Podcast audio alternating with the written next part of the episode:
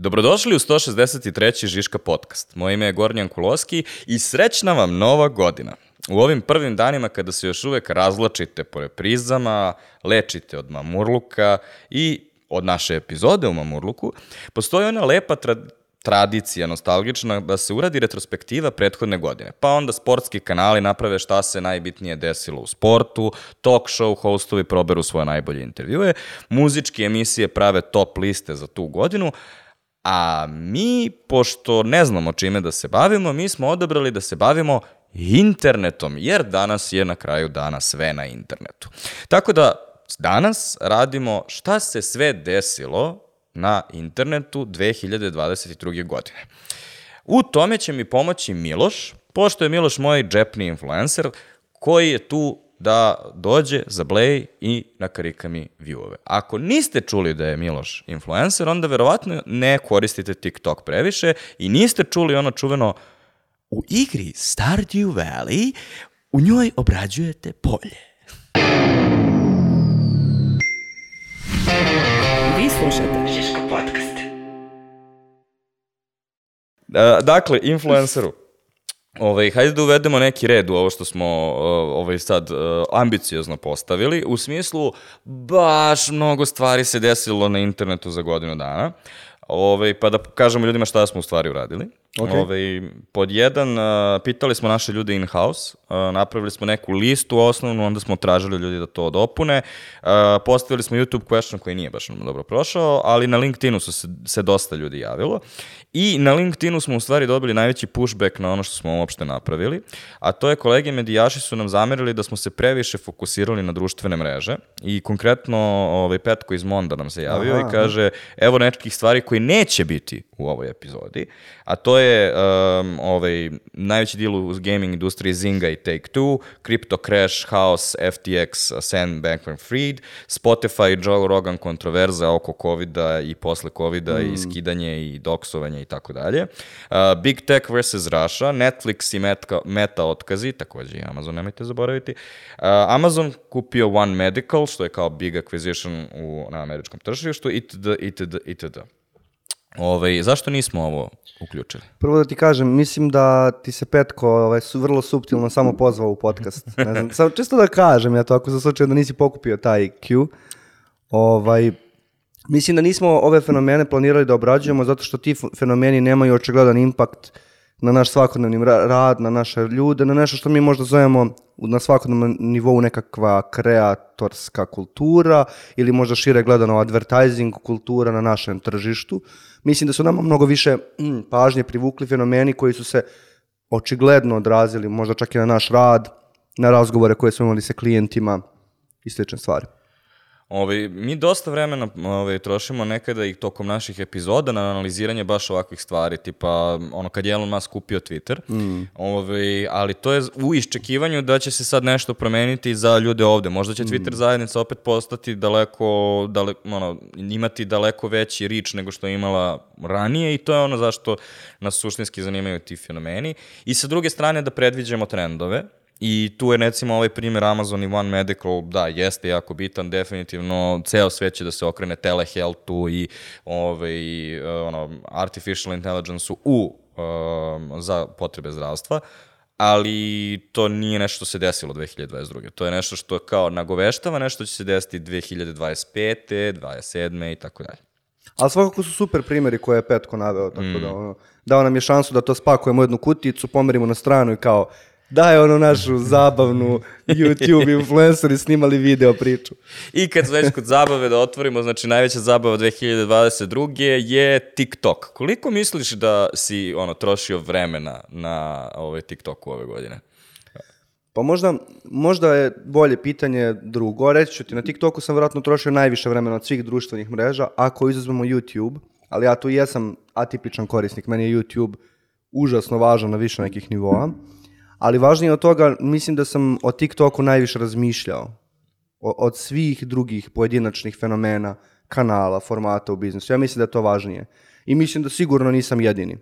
Vidim po našim razgovorima u agenciji, u našim predlozima ka klijentima, u našem radu, da stvar koju smo najviše debatovali, koje smo najviše mozgali, je TikTok u najširem smislu. TikTok algoritam, TikTok format, TikTok i legalna strana TikToka, TikTok i TikTok kreatori i tako dalje. Tako da, baš, baš glavna tema godine. Možda je, uh, mislim, ja sam, ja te jesam zezao za Stardew Valley na početku, ali možda je to baš u stvari dobar primjer da objasni zašto si ti zainteresovan za TikTok. Zbog toga što kada god krenemo da pričamo o TikToku, u stvari imamo jako uh, puno ljudi koji su u fazonu ne, nije, no, nije najrelevantniji i tako dalje. I uvek se poteže jedno isto pitanje, a to je de, Jessova metrike. Mm. I ovaj, tu, tu ja obično ne ulazim u raspravu zbog toga što je potrebno jako puno vremena da analiziramo šta uopšte znači kada uh, Instagram kaže mi imamo um, 3, 3 milijarde uh, mesečno aktivnih korisnika. Pa šta sve ulazi u mesečno aktivnog korisnika i kako se to meri i tako dalje ono što je za mene uvek bolja metrika od toga kojima, kojim ciframa mogu da se gađaju različiti CEO-ovi, je kulturalna relevantnost, odnosno gde počinju stvari i opet ćemo da pričamo gde će Brena da mlati sa ananasom, mm. jer ako ona tu može da dobije ono, toliki udar da ono, toliko ljudi vidi to, to je kulturalno relevantna društvena mreža. To se neće desiti na Facebooku koji i ono po zvaničnim podacima sigurno ima više mesečno aktivnih korisnika ili šta god želiš da izvučeš kao Da, da, sigurno, više relevantnu metriku. Tako da možda na tvom primeru, mm. pošto ti imaš originalno si bio YouTube kanal i onda si izašao na TikTok praveći nešto što je bio veoma specifičan gaming content. U suštini, m, razgovor o metrikama na TikToku je samo deo razgovora, ali čak tu bih izdvojio TikTok, jer tu, tu je, ako postoji jedno mesto gde možemo pričati o metrikama i zaključiti nešto, u odnosu, na primjer, na, ne znam, YouTube, Instagram, Facebook i tako dalje, to jeste TikTok. U kom smislu? Ti na TikToku kao uh, novi kreator, kada kreneš da kreiraš sadržaj, dovoljno brzo kreneš da dobijaš, ako je iole dobar u tome, ako ti iole dobro to ide, dovoljno brzo kreneš da dobijaš dovoljno pregleda da bi mogao da se baviš analitikom. Imaš nekakav realan uzorak. Kao neka tvoja mala laboratorija, eksperiment koji ti izvodiš iz dana u dan. To se u suštini meni desilo s TikTokom. Ja sam krenuo da objavljujem gaming sadržaj i zapitao sam se kako bi izgledao jednominutni gaming sadržaj, jer ne znam, ti verovatno znaš, ali ljudi ne znaju. Ono što sam ja radio paralelno s tim pre toga je bilo streamovanje na YouTube-u ponekad po 4 sata, 5 sati, potpuno drugačiji mindset. Ili ako nije 5 sati, onda je 45 minuta snimljenog videa, gameplay i tako dalje. I onda sam došao na ideju tih nekakvih jednominutnih reviewova, koji su narrat, kako se kaže, narrated, Ovaj, I šta je fora s tim? Ja kad sam krenuo da objavljujem te videa nisam imao nijedan, nikakav following, nikakvu, nikakav community, ništa od toga, samo sam objavio prvi video i moj prvi video je, ne znam, sad prisjećam se, nisam siguran, ali možda imao 100.000 ili 200.000 pregleda. I onda šta je poenta? Ti nastaviš da objavljuješ, imaš drugi, treći, četvrti, ne znam, drugi bude 100, 50, 40 i onda objaviš jedan, on ima 2.500 pregleda. I onda kreneš da razmišljaš, ok, šta sam ovdje uradio dobro, šta sam ovdje uradio loše. I za mene je TikTok u tom smislu zanimljiv zato što je bukvalno kreatorska laboratorija, kao što sam rekao, jako brzo te trenira i incentivizuje da isprobavaš različite stvari i da menjaš pristup bavljenju nekom temom. I e, mislim da to TikTok nije uradio samo meni, nego da je uradio baš velikom broju ljudi i da je ovo će zvučiti užasno kao grandiozno, ali mislim da je promenio način na koji se promišlja pisanje sadržaja. Za sve kreatore koji i ole ambiciozno posmatraju svoj kreatorski rad na internetu. E, a to nema veze s metrikama. Sad ja tebi mogu da kažem, TikTok ima milion korisnika u Srbiji ili 800 hiljada, nije bitno, milion i 200 hiljada. To su neke brojke s kojima se ljudi gađaju. Nije bitno. Bitnije od toga, svi relevantni kreatori gledaju TikTok i razmišljaju šta treba da radim drugačije. Brendovi takođe. Um, e sad, tu gde smo, šta znači drugačije, to je u stvari sad ono što mi je zanimljivo, što bih voleo da, da analiziramo i um, već možemo da pričamo o nekoj maloj istoriji TikToka. Mm. Naime, uh, početak je bio musically, što znači ljudi lip syncuju i sjećaš se kao to je Naravno. bilo baš big, ja ne sjećam se da sam vidio Lip sync sketches, to je bilo to. Sledeće su bili plesovi, I to je otprilike gde većina ljudi koji ne voli TikTok i dalje je kutija u kojoj stavlja TikTok. Međutim, uh, ti si recimo primjer nekoga koji ima eksperimentalni sadržaj, koga sad ima mnogo više, zbog toga što dok svi deru se, urlaju i ovaj, ono, nešto pokušavaju bukvalno da pokazuju tebi u facu dok rade TikTok, tvoj sadržaj je meditativan i kao to je taj tvoj glas koji lebdi preko tog uh, videa. A međutim, ono gde smo sada, šta bih ja rekao da je trenutno dominantan TikTok sadržaj, to su ljudi koji pokazuju na stvari mm -hmm. i e, ovaj, to su ono ljudi koji kao evo šta sam video na internetu pa onda ti daju screenshot i pokazuju na njega pa onda to kao imaju drugi screenshot ovde i e, ovaj, nešto objašnjavaju gledaju kameru sve, i objašnjavaju. Jasno, ali to je sve, postoji zajednički thread svega toga. I u mojoj glavi sav TikTok sadržaj je no context content. Znači, sav sadržaj na TikToku mora da izgleda tako da od prve sekunde, bez ikakvog predznanja, tebi je ili baš jasno šta gledaš, kao na primjer, ovo je screenshot koji sam vidio i sada ću vam objasniti zašto ovo ekonomski nema smisla. Tebi je potpuno jasno šta gledaš. Ili ako ti nije potpuno jasno šta gledaš, toliko je intrigantno da moraš da ga odgledaš do kraja. Kao tip koji pokušava da, da, da udari strujom svinju. To možda nije dobar primjer, ali, ali svakako, svakako um, nema mesta za bilo kakve uvodne govore, nema mesta za špicu, nema mesta za segway, doslovno od prve sekunde hits you right in the head, nekad je to ta energija, ovo je stvar koja se desila uči, morate znati se o tome, nekad je energija, ovo je igra koju nikada, razumeš, ali mora da bude ta ista stvar. Ples funkcioniše od prve sekunde, lip sync uh, je, cela poenta lip synca je, je ideja o prepoznavanju. Dakle, ti prepo, a, znam ovo i odmah ti je jasno. I ovaj format o kojem ti sad pominješ, koji je za mene možda čak neka evolucija news formata, kao novinskog, novinarskog formata, je doslovno ono savršen, fo, savršen sadržaj da ga pogledaš na telefonu, ono, bez zvuka, sa pola pažnja, to je, to je sve TikTok.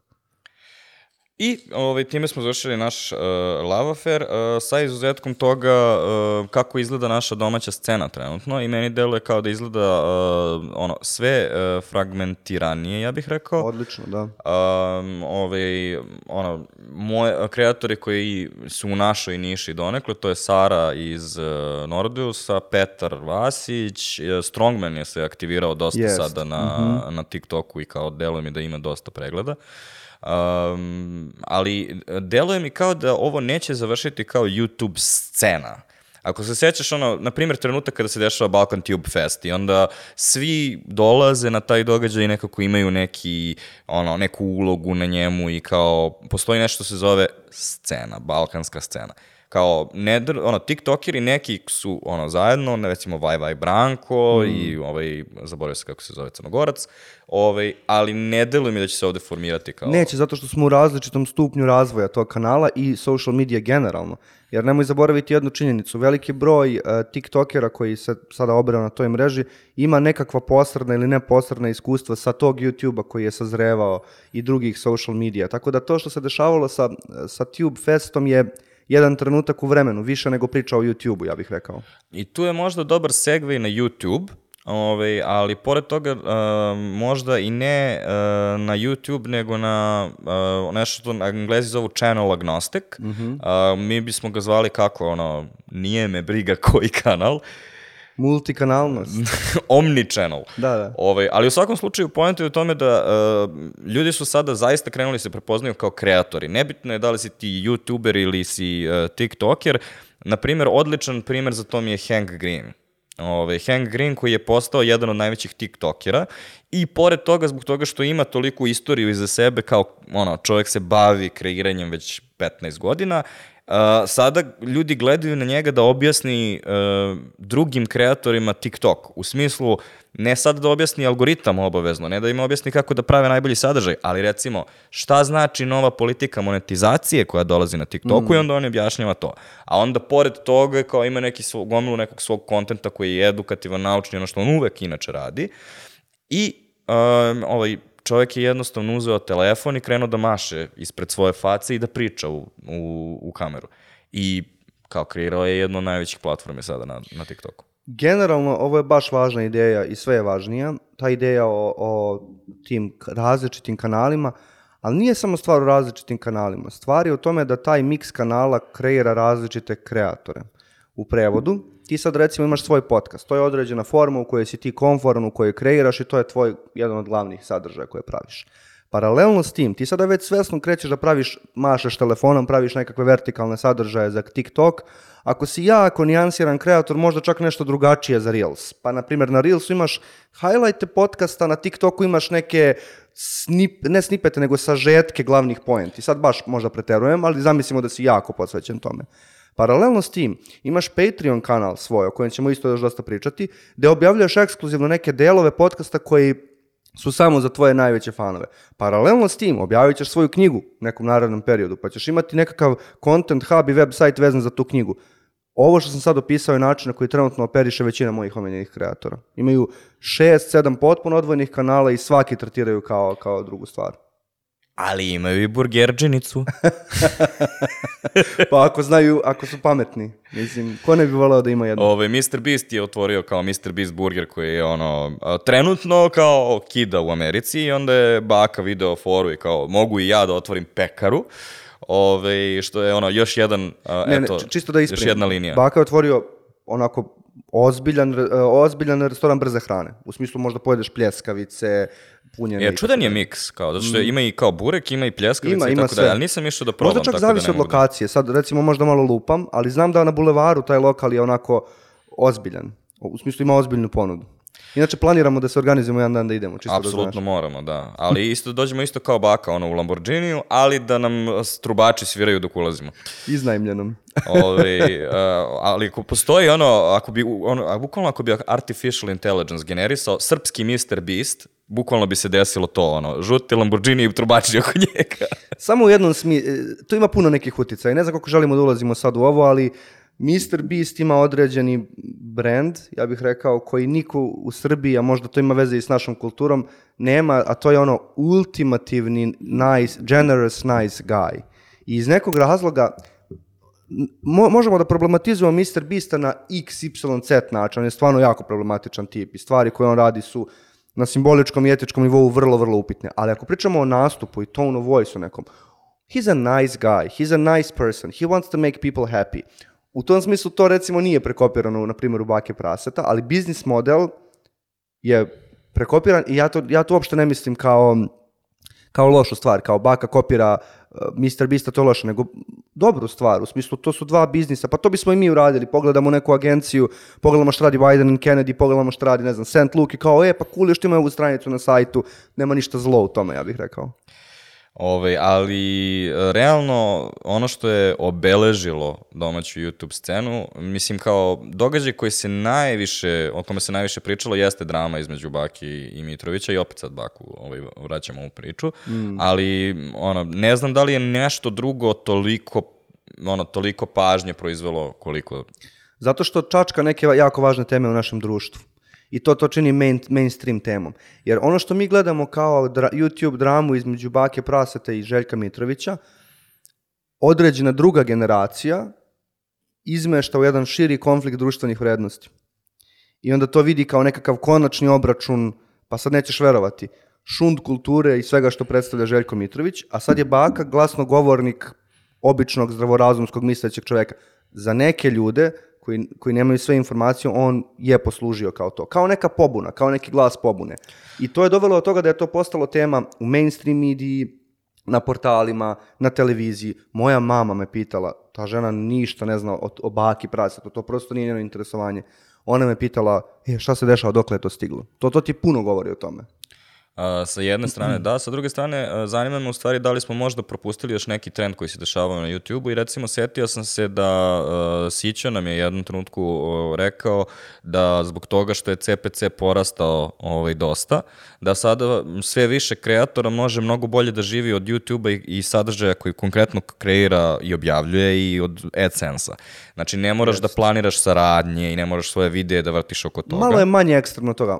U smislu nije ne moraš, nego imaš malo više manevarskog prostora. Otprilike tako je on to frejmovao. Ali recimo, um, on, je to iskoristio da uđe u mnogo duže formate Jest. uh, koje je od uvek želeo da pravi i da se više fokusira na to, ali um, mislim, znam da njegovi videi imaju dosta ono, standardno ovaj, pregleda, sad ne znam kao da li smo nešto propustili, to je moje pitanje. Propu pa možda smo propustili činjenicu da dosta naših kreatora pokušava da kreira sadržaj za strana tržišta. To su najčešće ono ne, ne, neizgovoreni formati u smislu kao verovatno se čuva za videe u kojima, daću banalan primjer, prese uništavaju objekte i slične drugačije sketch videe. Tako da bilo je tih pokušaja. Kad su naši youtuberi osetili da mogu da zarade od CPC-a, onda su se zapitali, a koliko bih tek zaradio na stranom tržištu. Mislim, moram da priznam da i mene čačnulo maštu, krenuo sam da razmišljam o tome kada bih ja, na primjer, lansirao TikTok profil na engleskom jeziku, ali odustao sam od te ideje, mogu da ti kažem i zašto. Kada bih lansirao TikTok na engleskom jeziku, ovaj, počeo sam da razmišljam ko, koja bi bila granica toga, znaš. Otprilike taj neki sličan incentiv. To je onako neki mikrotrend koji sam ja ukačio. Nemam neki dobar primjer da ti dam, ovaj, nekoga koji je uspeo u tome. E, sledeća uh, stvar kojom želim se pozabavimo je uh, znači, nešto što zovemo kreatorska ekonomija mm -hmm. i to je počelo kao trend možda pre dve godine, ali meni je 2022. godina trenutak kada trend je veoma tu i u smislu ako ne kontaš šta je kreatorska ekonomija, onda bukvalno ne pratiš razgovor. Znači, kad smo pričali o tome 2020. kad smo prvi put krenuli da slušamo to, e onda je bilo egzotično, ne znam, na primer Colin and Samir, ovaj, su bili likovi koji su pričali o kreatorskoj ekonomiji, to je bilo novo. Onda kao slušaš što oni pričaju, u fazonu si naučio sam nešto ono sada kao što nisam znao ranije. A sada je u fazonu, ne, ne, kreatorska ekonomija, ono, dobar dan pekara i pored toga kreatorska ekonomija. Nekako je oko tebe. Kreatorska ekonomija je konačno promišljen influencer marketing i mnogo više od toga. Ono što smo mi kao ako se sjećaš pre par godina nekako opisivali kao influencer marketing, onda objašnjavali, ali tu postoji čitav jedan svet mogućnosti, to nisu samo influenceri i tako dalje. E sada taj pojam pod kojim smo konačno uzeli da ozbiljno pričamo o tome je kreatorska ekonomija. A to se zapravo odnosi na to kako činjenica da sada operišemo u svetu sa ogromnim brojem kreatora koji imaju sobstvenu distribuciju sadržaja, kako to menja mainstream mediju, kako menja filmove, kako menja uh, gaming, kako menja muzičku industriju, kako menja apsolutno sve domene, hoću da kažem entertainment industrija, jer to je ipak najveći uticaj, ali verovatno i neke druge. I ja mislim da su Colin i Samir koje si pomenuo i dalje veoma relevantan izvor za razgovor na ovu temu. Naravno, nisu jedini, ali ja i dalje baš, baš, baš puno, puno informacija i primjera pokupim gledajući njihove, recimo, YouTube videe. Ne, sigurno, ja sam samo njih kao apostrofirao kao prve koji su krenuli Jeste, se baviti. oni su prvi počeli da forsiraju taj termin između ostalog. Um, I sad, uh, šta rade svi ti ljudi u kreatorskoj ekonomiji? To je taj pristup svemu i sad uh, možda je ljudima malo neintuitivno, tipa otvorili su burgerđenicu, ali možda nešto što im je intuitivnije je Nerd Writer je izdao knjigu, što Pa je nešto da. što je prirodno izlazi iz onoga što on radi. Pa to je zapravo dosta zanimljiva kratka priča o tome šta se desilo sa social medijom. Nerdwriter je pre 10, Nerdwriter je inače poznati video eseista Evan Pušak, koji je pre 10 godina otvorio YouTube kanal sa idejom da će snimajući za YouTube početi promociju svoje knjige koju je pisao, da kreira hype, da kreira zajednicu. Deset godina kasnije, on nije objavio nikakvu knjigu bio, ali je postao jedan od najrelevantnijih YouTube kanala u formi video eseja. Ako neko nije gledao video eseje, to su oni videi gde naučiš, na primjer, nešto kako je Rembrandt slikao senke. Pa ne znam, 10 minuta video, slušaš o tome jako detaljno i elaborirano. E, on je car tog formata. Umeđu vremenu, naravno, on je dobio milionske preglede, milionski community, um, započeo svoj Patreon, potpuno se finansijski osamostalio. Može se reći napravio jednu firmu Nerdwriter, on je, on je prosto čovek kompanija Nerdwriter i nakon 10 godina konačno objavio svoju knjigu, to naravno nije ona knjiga koju je pisao kada je krenuo, već jedna nova knjiga, zbirka eseja, sličnih njegovim video esejima po kojima je postao poznat. To je zapravo zanimljiva priča na simboličkom nivou, jer pokazuje da je njegov usputni kreatorski social media rad u potpunosti preuzeo njegov, njegov kreatorski rad, njegovu os, osnovnu ideju oko toga što žele da kreira. I sada imamo njega koji je objavio tu svoju knjigu, ali on je sada uh, worldwide fenomen. Ta knjiga je priorderovana, pro, prodata, sold outovana, štampa se novo izdanje, E, I ona će imati ogroman afterlife na social mediji takođe. Ta knjiga više nije samo papirna knjiga, mada mi imamo papirnu knjigu. Ali ona će postati opet sad serija eseja, sajt, možda svetska turneja nastupa uživo, lupetam, ali čitava jedna mala ekonomska konstrukcija tu postoji oko te činjenice da je on izdao, izdao knjigu. Da, ali to je nešto što radi i ostali u smislu uh, ja sam influencer, ja sam i biznis. Zašto bih ja prodavao jedne, ono, influenceri su zapitali isto ono što i brendovi pitaju sebe, a to je a zašto influencer jedne nedelje prodaje kiselu vodu, a sledeće, godine, sledeće nedelje viski.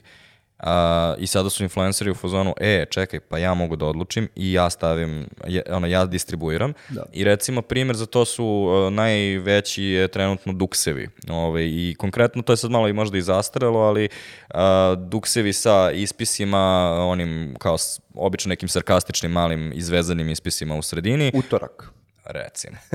Ove, um, a to je kao, šta tebe sprečava da ti kao influencer trenutno lansiraš svoj brand Baš, biznis? baš je logično. Meni primjer koji najčešće pada na pamet je kurs, ali da ne ulazimo sad u to, možda je to jedan od bitnih trendova 2022. U smislu, danas imaš ono influencerski kurs o bilo čemu, ali ajde, sad to na stranu.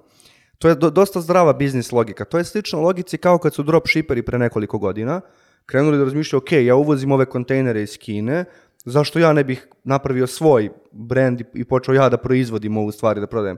Prosto to je ono biz, zdrava biznis logika. Ako možeš da objediniš u kući nešto i da napraviš optimizacije, zašto to ne bi uradio? U tom smislu, ako si ti mediji, kao što influenceri jesu, i angažujete, ne znam, dečko, car, Ivica i Majica, baš lupam sada, da promovišeš njihov duks, koliko si ti koraka daleko od toga da istražiš da možda proizvodiš svoj? Ja bih rekao tri telefonska poziva. Ono. Prelako je, a i ti i ja znamo iz puno primjera s tržišta koliko je to zapravo unosan biznis. Sa jedne strane da, sa druge strane uh, mislim da postoje različiti nivoji kvaliteta proizvoda koji pokušavaš da mm. ovaj, proizvedeš, tako da možda je sa ovim duksevima koji su preplavili celu planetu i odjednom su svi proizvodili takve dukseve, lako su mogli se nađu. Recimo mogu da zamislim da Vidžor mi je primer nečega, kao takve dukseve mislim da je mnogo teže napraviti da, ono, ok, pored toga što zalepiš Vidžor ove, ilustraciju na stomak, da pored toga ipak moraš da se malo pozabaviš uh, fashionom. Slažem se, ali to je sad opet neka distinkcija Patike bi između... bile još jedan primer ili cipele. Patike bi bile odličan primjer jer patiku zapravo nije lako napraviti. Pa da. I to je onda barijera veća. Ali iskreno rečeno, kada ti kupuješ kreatorski merch, a ovo jeste tema o kojoj, kojom se i Colin i Samir dosta bave, imaju čitav, čitav serijal, probali smo kreatorske merchove i ovo su naše reviewovi, genijalno by the way. Um, kada ti kupiš taj merch, ti si ok kao potrošač da to ne bude baš sjajno. U smislu, ti si zapravo to kupio da bi ti to kupio. Da bi ti time rekao svetu. Ja to znam po sebi. Ja kad kupim Andrejin Dux tu by Andreja, mene uopšte ne interesuje. Znači, ja ću da ga obučem jednom. E, ali mogu da kažem i suprotnu stvar. Dobro. Ovaj, uh, kupio sam uh, majicu ozbiljne teme. Aha. Assimiland. Znaš kako izgleda? Pa znam, da, znam. Imaš znam. onu ogromnu Assimiland ilustraciju preko celog, ono, praktično od grudi do kukova koja je sva u onoj plastici i ja sam bukvalno kao u nekoj kesi, tako da ono, bukvalno ne nosim tu majicu jer sam u fazonu, baš mi je neudobna, ono. Znam kao, volim print. te Igore i da gledam tvoje videe, ali kao ne Da, mogu. da. Dobro, nekad će, nekad će biti promašaj. Na kraju dana ti ljudi nemaju iskustvo u fashion industriji, kao što si ti rekao. E, ali e, pored toga što prave um, ovaj sopstvene biznise, takođe prave i različite stantove, pa onda ovaj ko je dovoljno jak ide da boksuje Hmm. ili najavljuje da boksuje i otkazuje i tako dalje, a ko nije taj igra futbal, jel? Pa to je jedan od eventa. Pomenuo je, po, po, pomozi mi, ko je u tvojim komentarima pomenuo? Neko je promenuo da, ali pošto smo ga imali već na listi, onda ga nisam stavio. Ovaj, događaj koji se desio ove godine, koji je meni bio baš značajan iz ugla ove teme, je futbalski meč koji su organizovali Sidemani. Sidemen je, ono, za ljude koji ne znaju, uh, jedna ono, grupa mladića koji imaju svoj ultra, ultra popularan YouTube kanal. Um, koncept meča je bio prilično već viđen. Dakle, Sidemani protiv drugih YouTubera. Između ostalog, Mr. Beast je igrao za drugi tim. Šta je tu zanimljivo? Ništa, desio se taj, ovaj, desio se taj meč, uh, da, bio je live prenet na YouTube-u, na Twitchu, da, bilo je puno pregleda, bilo je jako puno pregleda, da, skupio je milione za humanitarne svrhe, bilo je 12 golova u 15 sata, to je sve manje bitno. Ono što je meni bilo bitno je što su oni napunili stadion. čini mi se da je brojka da je na stadionu bilo nekih 27-28 hiljada ljudi. To je baš puno. Znači, recimo da je bilo 28 hiljada ljudi koji žele da gledaju futbalski meč youtubera. Šta nam govori ovaj podatak i šta nam govori ovaj događaj? Ovaj pod... Za mene dva sveta koji su mi delovali skoro najteže da se premoste su eh, taj kreatorska ta kultura, youtuberska kultura i tako dalje, social media guys i tradicionalni sport. Jer vidi, futbal je svuda u svetu, a naročito u Evropi, kulturološki gotovo stvar koju ništa drugo ne može da zameniti da se uporedi s njom. I taj meč je i dalje uspeo. Mi imamo primer da su kreatori, social media guys, uspeli da, da na, na terenu, bukvalno, na terenu tradicionalnog sporta, naprave jedan kvalitetno produciran, zabavan, posećen događaj. A nije bilo, u samom događaju nije bilo twistova, ono, uh, quirkova i ne znam čega. To je bio futbalski meč. I to meni samo pokazuje kakve sve drugačije integracije tradicionalnog, legacy media i, i sve što ide uz to i social media mogu da nastanu recimo naredne godine. U fizičkom prostoru, samo da naglasim još jednom. I pored svega ovoga, ono, koje na različitih načina se zaradi novac, uh, jedan koji je o, sve više ovaj, prepoznat, znači ne sad kao trend, nego hoću da kažem da su i velike kompanije prepoznale to kao način da se zaradi novac i onda sve pokušavaju da naprave neki svoj način kako možeš da implementiraš te funkcije, to je Patreon. Pa onda YouTube pokušava da napravi način da integriše Patreon u YouTube i da uzme taj I deo donekle kolača. uspeva, ali možemo i o tome, da. Pa da, ovaj, takođe recimo uh, Vimeo, koji je bio uh, platforma na kojoj Patreon pušta te videe, je bukvalno samo ispostavio daleko veći račun uh, Patreonu i bio u fazonu vi zarađujete zato što ovaj, koristite naše servere i novi CEO je bio u fazonu moramo da ono, povećamo revenju i kao evo broj jedan ko je problem. Patreon je zanimljiv primer, ali nije samo Patreon, samo ću malo nazad da otvorim temu. E, TikTok donacije, Twitch donacije, YouTube donacije live. Da bi nešto bilo ekonomija, mora da, moraju da postoje jasni revenue streamovi.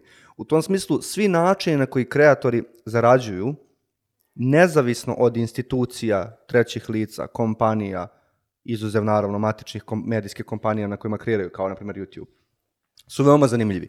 Zato što uzimaju tu ekonomiju i daju joj još više nezavisnosti, još više, još više moći. Glavno pitanje koje se sada poteže u tom nekom ono, em, influencersko-kreatorskom svetu na nivou thumbnaila, na nivou clickbaita je kada ćemo ima- imati prvog kreatora milijardera. Ali to je šire pitanje. To je šire pitanje koliko je ta ekonomija zapravo ekonomija, koliko daleko može da ode. I, I u tom smislu Patreon i svi naredni Patreoni su nešto na što moramo da motrimo, upravo iz tog razloga. Oni, su, oni nam pokazuju te alternativne biznis modele. I Patreon konkretno jeste motor za razvoj biznisa u okviru kreatorske ekonomije, a to je upravo o čemu smo pričali. Ti si uticajan kreator ovde i sad sutra ćeš imati knjigu, imaćeš e, seriju ekskluzivnih podcasta, imaćeš svoje dukserice, imaćeš možda svoje restorane, nije ni bitno. Za, za sve te stvari ekskluzivna iskustva e, i opet ekskluzivni sadržaj uz ta iskustva možeš da lansiraš kroz Patreon mehanizme i slično. A, pored toga, Daniel Milošević nam se javio i rekao je ovo je takođe godina kada je prvi put a, recikliranje sadržaja, odnosno lepša je reč na engleskom je repurposing, Aha. je postalo veoma velika stvar. I a, za mene šampion toga je ironično ovaj, Gary Vee, jer on čovjek ima toliku bazu uh, svojih govora, mišljenja, stvari koje je rekao i ima armiju ljudi ispod sebe ovaj, koja može da prepakuje taj sadržaj i onda oni iskopaju recimo neki govor njegov od pre tri godine koji je nekako relevantan sa time što se sada dešava i objave opet isti video. Zaboravio si jedan korak, podvuku onu inspirativnu muziku, ono, To ne uvek, ali ono što je bitno je da se dodaju titlovi, jer kao da može da radi na silent, odnosno sada TikTok titlovi, odnosno oni veliki bloki Centralni titlovi. titlovi, tako je. centralni, da. Ove, a pored toga, um, ovaj, ona osoba koja je to u stvari takođe ovaj, baš dopopularizovala je Andrew Tate.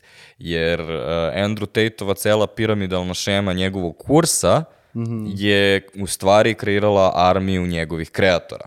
Jer je cela poenta kako ti najlakše da prodaš kurs Andrew Tate-a i time ti zaradiš, jeste da objaviš klipe Andrew Tate-a. I zbog toga ga je bilo takođe i toliko teško skloniti sa svih platformi, zbog toga što nisi mogao da ubiješ Andrew Tate-a i sve ovaj, prestaje, nego kao morao si da uloviš algoritmički njegovih 50.000 ono, ljudi koji pokušavaju da objave neki kontent mm. sa njim. I to su ono, kontent je bukvalno ono, Andrew Tate od 25 godina i Andrew Tate od 35 godina, ono, bukvalno ne znam koliko čovjek ima kad mi izađe na feedu. Mm. Opet, TikTok. Imamo platformu koja je najbrže rastuća platforma koja je gotovo cela zasnovana na modelima, na mehanizmima ko-kreacije i repurposinga. Kroz duet formate, kroz ono audio tra tracks formate i tako dalje.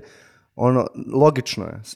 Potpuno je logično, a pored toga što je logično, za mene dobar content repurposing ili to, kako si rekao, kopiranje, koji je prvi? Recikliranje. Recikliranje je, je dobra stvar. U smislu, mislim da kreatori i brendovi mogu baš dosta da nauče iz toga. I meni je najbolji case study te, za tu temu u stvari su podcasteri. Zato što realno najveća mana podcasta je, postoji ta barijera. Podcast traje, evo, naš već 35 minuta. Tu smo već izgubili ne želim da se gađam procentima, ali samom činjenicom da naš proizvod medijski traje toliko dugo, mi smo izgubili, ne znam, 90, 80% publike.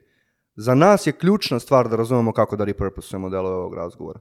I to je za mene ono što ja želim da izvučem iz toga. Naravno, najlakše bi bilo reći ništa, sad se sve kopira, ljudi ne kreiraju ništa, ništa novo, ali to je ono, nije koristan razgovor.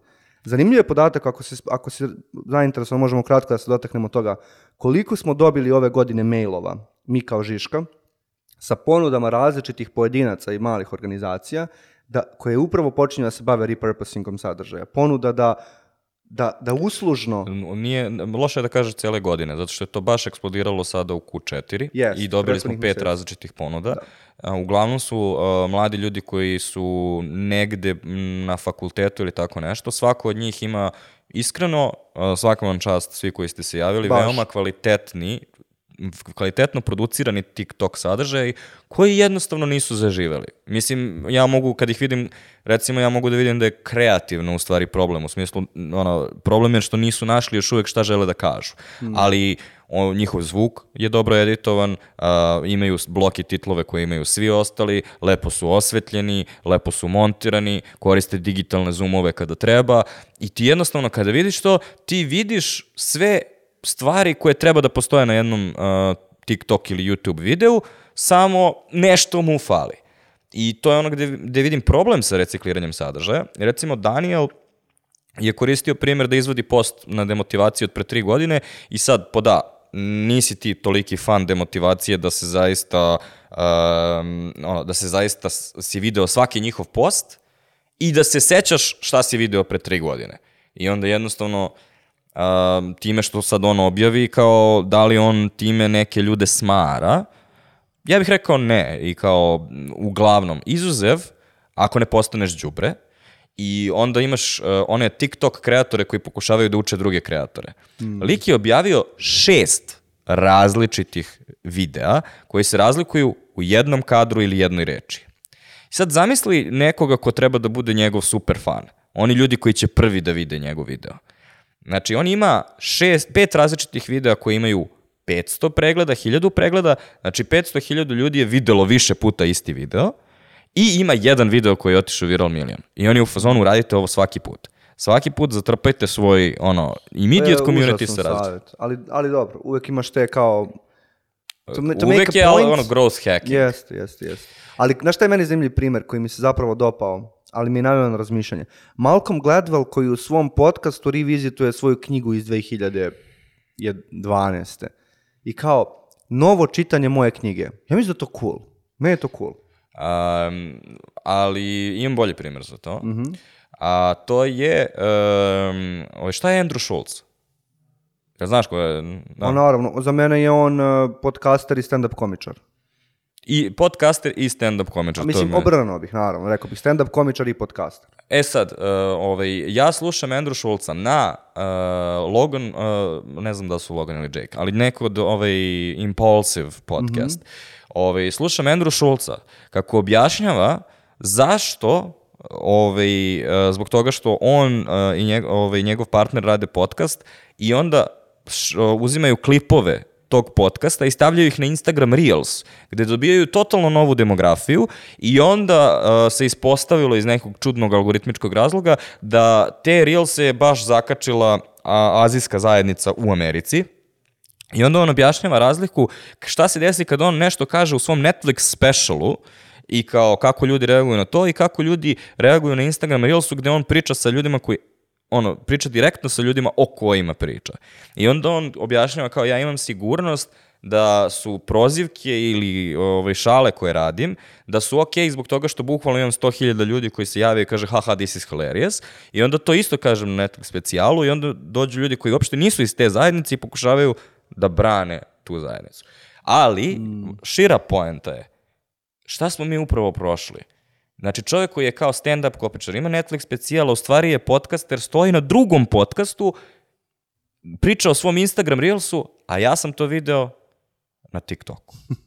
I kao, to je u stvari taj ono, omni-channel koji se danas Za mene je tu glavno pitanje moment da Andrew Schultz kreće da kreira, da piše svoj narodni stand-up sa ovim na umu.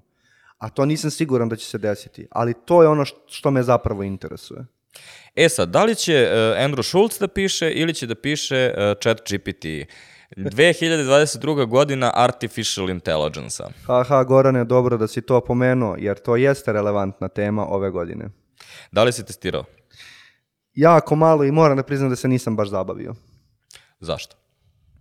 Pa jednostavno, iz, iz never, kako bi rekao, moram da vratim priču opet korak unazad. Ono što sam ja video su strava primjeri na internetu gde su ljudi uspjeli da ubodu nešto i onda da zaključe nešto na osnovu toga. Znači sad recimo neki marketing stručnjak kao, pa vidite ovaj tekst i nije loš, ovo me recimo iznenadilo, kakva fina upotreba jezika. I onda sam ja to video i pomislio, poverovao da je zapravo alat na jako visokom nivou razvoja. A onda koji god sam prompt ukucao, dobio sam u najmanju ruku ponovo neupotrebljiv neupotrebljiv rezultat. Ili imaš ti neko drugo iskustvo?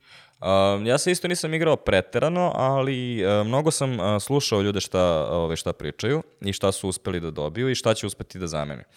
A ono gde sam ja trenutno sa chat GPT-em konkretno je um, da um, on je kao neki uplašeni PR account executive koji je usisao sve moguće što može da kaže i onda izbacuje samo gomilu fluffy reči.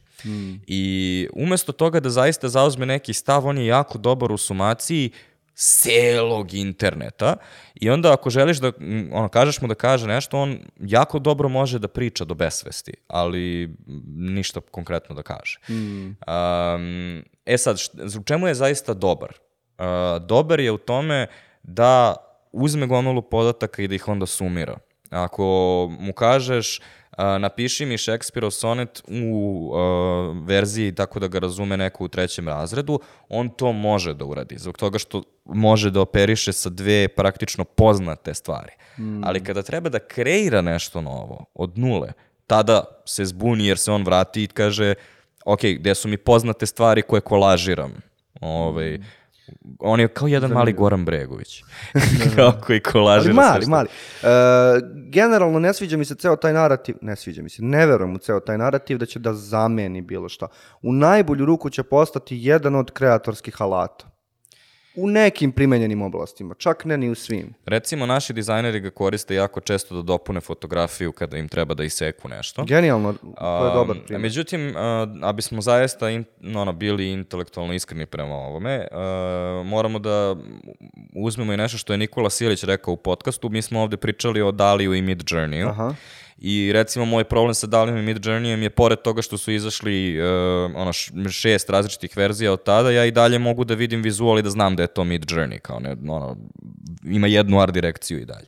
Međutim, ono što je Silić lepo rekao tada je nemoj da podcenjuješ Brzinu. koliko brzo će ovo da se razvija i tu jeste zaista ovaj, strašno, ali takođe postoji i ovaj drugi deo, a to je um, ovo je jedan trik. I taj jedan trik radi na osnovu komputacione moći koji se iznajemljuje. Uh, znači oni uzmu AWS server i onda ovaj košta 3 miliona dolara da se, da se trenutno chat GPT uopšte operiše. I sa druge strane sa količinom podataka, kao to usrče sve što postoji na internetu. A, taj trik možda ima plafon. Kao, post, ono, u nekom trenutku ćemo otkriti da ne postoji sve na baš na internetu. Šta je tekstualni zapis? Zašto, zašto ono, neke stvari koje mi kao su nam bitne da, za kreiranje su rečene uživo, a nisu tekstualni zapis. Recimo, mm -hmm. ovaj, jako puno podcastera je, pošto transkribuje svoje, zbog SEO, transkribuje svoje epizode. I uh, onda su nahranili time chat GPT, pokušali da naprave svoj bot. Ovi, I to u stvari radi ono dosta, mislim, ima trenutak kada bukvalno padne sa litice, ali to recimo nešto što će ono zanimljivo moći da radi, ali pitanje je šta će da uradi kada se susretne sa novom informacijom. Znači šta će, recimo sada kada bude izašao chat GPT 4 i onda kako bi chat GPT 3 pisao o chat GPT 4, mm -hmm. jer nema na osnovu čega da, da, da napravi taj kolaž. I tu je trenutak kada mislim da on udara u plafon određeni i sad, again, znači to je samo za ovu vrstu učenja koja je bazirana na time, ne na nekim uh, logičnim pravilima, nego na onoj analizi toga šta su blokovi koji sačinjavaju, pa onda šta je sledeći blok koji dolazi. Ne znam da li si čuo tu celo objašnjenje kako radi. Da, ali vrlo, vrlo plitko sam ušao u to. Ali sa druge strane postoji i dosta veliki problem koji vidim a to je moje iskreno uverenje da je jedini način da postaneš kreator je uh, da praviš gomilu lošeg sadržaja dugo i uh, kada sam rekao uplašeni PR account executive, u stvari sam se setio sebe tada i setio sam se kada sam ja pisao prva saopštenja ovaj, kada sam bio na praksi. Neophodno je da radiš na tome da bi razvio svoju veštinu, da, bih jed, da bi jednog dana mogu da napišeš nešto cool, da bi jednog dana mogu da, na primjer, imaš ovaj podcast i tako dalje.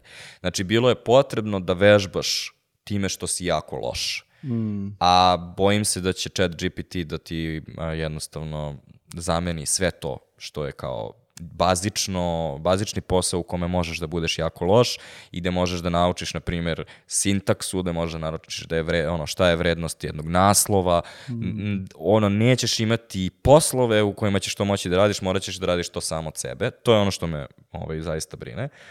Ovaj, a ovaj, druga stvar koja me, um, koja me ovde um, blokira, zaboravio sam sad. Ja samo kratko imam misao vezano za ovo što si rekao. A to je da, s jedne strane ukinut će ti tu mogućnost učenja, ali to samo znači da će se proces učenja redizajnirati. A kako tačno? Pa tako što su sada svi drugi kreatorski alati dostupniji. U smislu vreme da ti učiš da pišeš novinski naslovi ili ovaj saopštenje, ok, to vreme prolazi, ali sada dolazi vreme da možeš za dan da kreiraš tri videa u kojem si ti speaker što bi bila simulacija nekog recimo televizijskog iskustva ako pokušavamo povučemo neke paralele sa tim vremenom. Tako da, tako je, neki alati će biti ukinuti, neki drugi alati će postati dostupniji. Da, znaš šta je moja, uh, ono, šta vidim kao dobru stranu koja može da nastane? A, sinulo mi je kada gledao sam Vlada Zarić je objavio svoju biografiju koju je pisao chat GPT na LinkedInu. I počinje Vlada Zarić je internet marketing stručnjak iz Srbije, bla, bla, bla.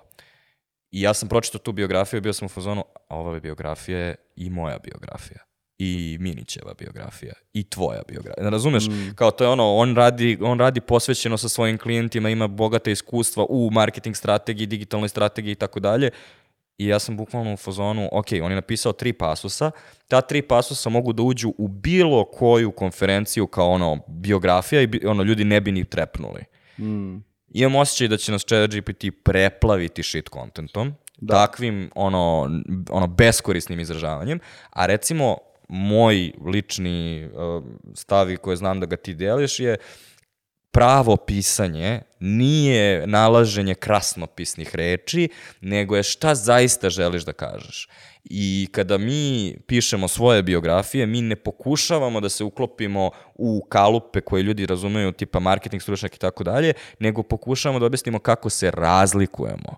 I onda dolazimo do onih naših ono biografija koje ono i odskaču i formatski i time šta kažemo i tako dalje. Evo poziv za bilo koga da pročita sve biografije na Žiška sajtu. To bi trebalo da budu unificirane biografije jer mi svi radimo advertisingu, u agenciji sa relativno tight kulturom. Očekivalo bi se da svi imamo slične biografije, formatski, na nivou jezika, pročitaj tri random biografije, nećeš znati gde se nalaziš otprilike. Koliko je svako imao distinktivan, autorski, pečati tu potrebu da kaže nešto.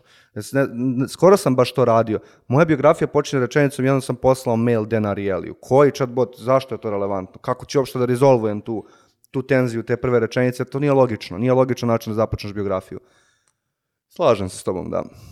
Ja se nadam da uh, ovaj, ćemo onda doći do toga da više nećemo imati one SEO članke koji počinju sa uh, svi volite ručak ta, i svi volite svoju porodicu, zato volite da pravite ručak za svoju porodicu i kao ono, gomila nekih beskorisnih reči umesto da zaista pričamo jedni sa drugima. Ne. To je ono što mogu da vidim a, kao dobar a, na kraju. Znači, ono, prvo će nas preplaviti time, a onda ćemo biti primorani da malo više obraćamo pažnju na to što se priča, da bismo... I to nas vraća na autorstvo, i to nas vraća na kreatore, i to nas vraća na kreatorsku ekonomiju, koja u tom landscape-u koji si ti sada opisao postaje još relevantnija tema. E, ove, a sada kad smo pričali o stvarima koje su nekako u uzlaznoj putanji, hajde da pričamo o ovima što umiru. Pa Instagram. Dobro. Ove, e, ljudi nas kao hejtaju kada kažemo da Instagram umire. E, međutim, ja kažem veoma jednostavno šta god ste mislili da je Instagram, ako mislite da je aplikacija koja ono, ljudi downloaduju i koriste, ok, kao mo, možda to i dalje ima neke korisnike, mada i, i to je pitanje. Ove, e, ono što je šire poenta je u nekom trenutku prošle godine Instagram je rešio da baci praktično sve što jeste i da postane loša kopija TikToka. Plus e-commerce. Da, e, mada i to je pitanje, ono, to je šesti, šesti život e-commerce na Instagramu, pitanje je da li je to sad taj. A, međutim, um, ovaj, šta je tvoj, e, šta, ono, šta je tvoja ocena? Ja imam, ja imam nešto što je kao, ono, sam čuo da je uh, mišljenje u koje verujem. Social media life cycle je stvar, jedna konstanta o kojoj možemo pričamo od prve društvene mreže do danas. Instagram je ono u jeseni svog života. Istu stvar smo vidjeli sa Facebookom pre nekoliko godina, istu stvar ćemo vidjeti s TikTokom, verovatno malo brže. Šta je za mene tu najvažnije? Nije broj korisnika, nije broj, nije, nije engagement, nisu novi formati i tako dalje. Da li relevantni kreatori kreiraju originalni sadržaj na toj platformi? Jednostavno rečeno odgovor je ne. Čak i oni najnativniji Instagram kreatori, a tu pre svega mislim na vi- vizualne tipove, na fotografe ili na videografe kojima je važna ne videografe kao Radule snima za TikTok, nego videografe koje interesuje videografija, fotografija u smislu videa. Svi oni napuštaju TikTok polako. Svi oni prestaju da kreiraju sadržaj za tu platformu polako. Ako pričamo o vertikalnom formatu na, na Instagramu, da, postoji i da, postoji trenutno incentiv za kreatora da kače svoj sadržaj tamo. Ali to je opet sve češće neki reuse, repurpose. Za mene su to sve dosta, dosta loše signali. Znam da ćeš ti pomenuti Instagram fotodump i to je opet sad suprotan primer. Kreatori pronalaze ipak neke načine da, da stvaraju na toj mreži, da stvaraju nekakav originalni sadržaj. Ali meni to stvarno deluju kao poslednji trza i uopšte ne vidim neko uzbuđenje oko toga. Ali Strahinja Ćalović je u pravu, u pravu kada nam kaže, ali najlajkovaniji post uh, Instagrama je u stvari došao ove godine i to je Messi koji, uh, mislim, drži trofej ili nešto tako. Ok, fair enough. Zato je možda prejaka reč umiranje. Ne, nije umiranje, ali moramo da prepoznamo promene koje se dešavaju. E, ove, u stvari, e, promjene koje su se desile su u stvari upravo taj algoritam, zbog toga što bi ranije samo ljudi koji prate Mesija videli da on drži trofej, a sada po novom algoritmu svi koji su iole zainteresovani za futbal su videli tu fotografiju, što znači da je u stvari ta fotografija imala potencijalno mnogo veću publiku. I razlog zašto je ona najlajkovanija je upravo zato što se Instagram pomerio ka TikTok algoritmu. A ono mislim gde, e, gde je haos je u trenutku kada Instagram počne, pokušava da se ugura a, u a, TikTok UX, u smislu kada ono, jednostavno ne, jedan UX može da bude ili za video ili za fotografije. Ako radi za jedno, ne radi dobro za drugo. I tu mislim da oni padaju. A, mislim da je užasna greška bila to što su u jednom trenutku pokušali sa feedom, mislim da su sad revertovali. Da. Ali poenta je da uh, ti si fotografska platforma, super, ostani, budi to što jesi.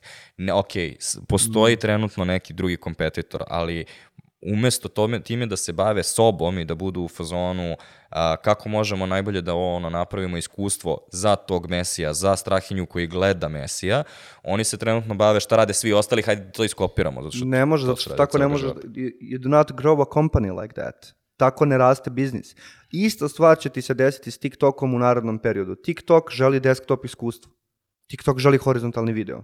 Šta će se desiti s vertikalnim TikTokom kada TikTok uđe i na našem tržištu, kao što je u Kini već ušao, u horizontalni video i desktop iskustvo, a paralelno uđe u TikTok Now, da bi teklovao neku drugu skroz stvar o kojoj ćemo pričati, a to je Be Real, desit će se ista stvar. Više ne, više ne obslužuje nišu, desit će se otključavanje oglašivačkih funkcija, desit će se ista stvar koja se desila na Instagramu, social media life cycle. Niša nema brendova, sve, svi formati, svi brendovi, nema nikoga. Malo Da, dumerski ali pogled na postoji stvar. jedna stvar koja, koju često ljudi uopšte e, propuste iz analize, a to je u tom životnom ciklusu e, evolucije nekog društvenog medija. Ostare korisnici. Kao, na, mi smo generacija koja je Instagram bio cool da pobegne sa Facebooka. Jeste. A ono, danas uh, ono, mi više nismo neko ko se pokazuje po prirodi stvari.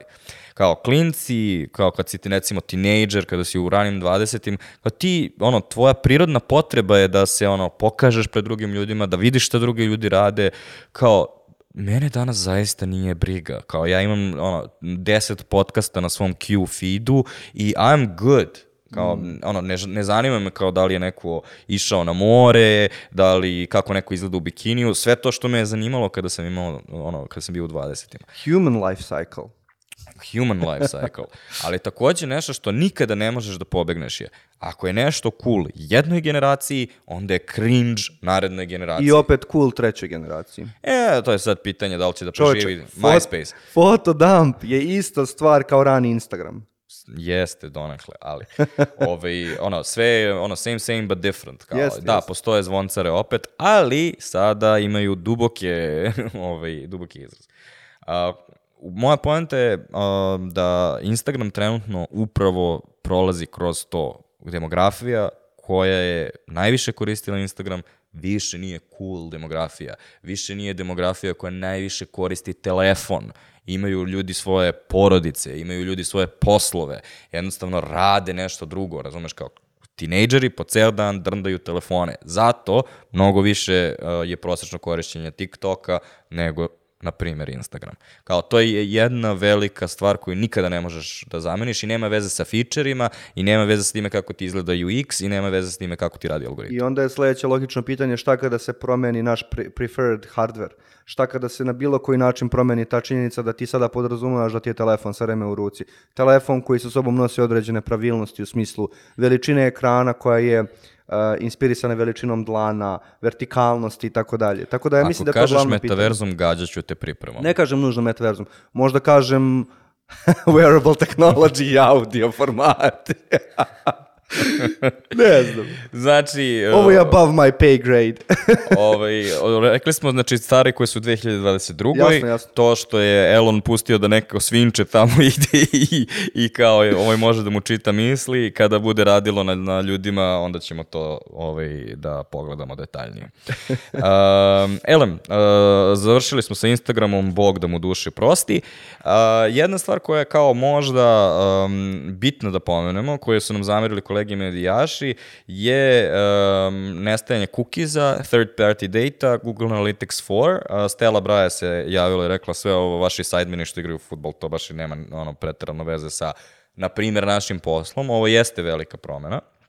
Ovaj, međutim, uh, takođe, um, nisam siguran da li prolazi naš test. Zbog toga što jako puno uh, imamo objašnjavanja šta to znači, kako će to sada da ovaj, utiče na nas i tako dalje. Ali, uh, pitanje je uh, da li je zaista promenilo ponašanje ljudi i uh, daću ti dva primjera koja to ove, slikavaju. Jedan je, recimo, sećaš se kad je Apple uh, promenio default setting da moraš da kažeš da, da, želim da me Facebook prati da bi mogli da te prate, pa je onda Facebookov revenue pao i ono što je glavno pitanje je, uh, pošto mi nismo toliko iPhone dominated tržište, ja nisam video da se toliko ljudi promenilo svoje, na primjer, digitalne strategije, na primjer, ono, e-commerce malih brendova koji su prestali da se oglašavaju na Instagramu i žive od Instagrama, kao što, recimo, Colin i Samir pričaju da se desilo u Americi. Ono što meni mnogo više liči na, na ovaj, cijela priča je, sećaš se GDPR-a? Da. Sjećaš se koliko smo se bavili GDPR-om, koliko je bilo seminara, edukacija, šta znači GDPR i tako dalje.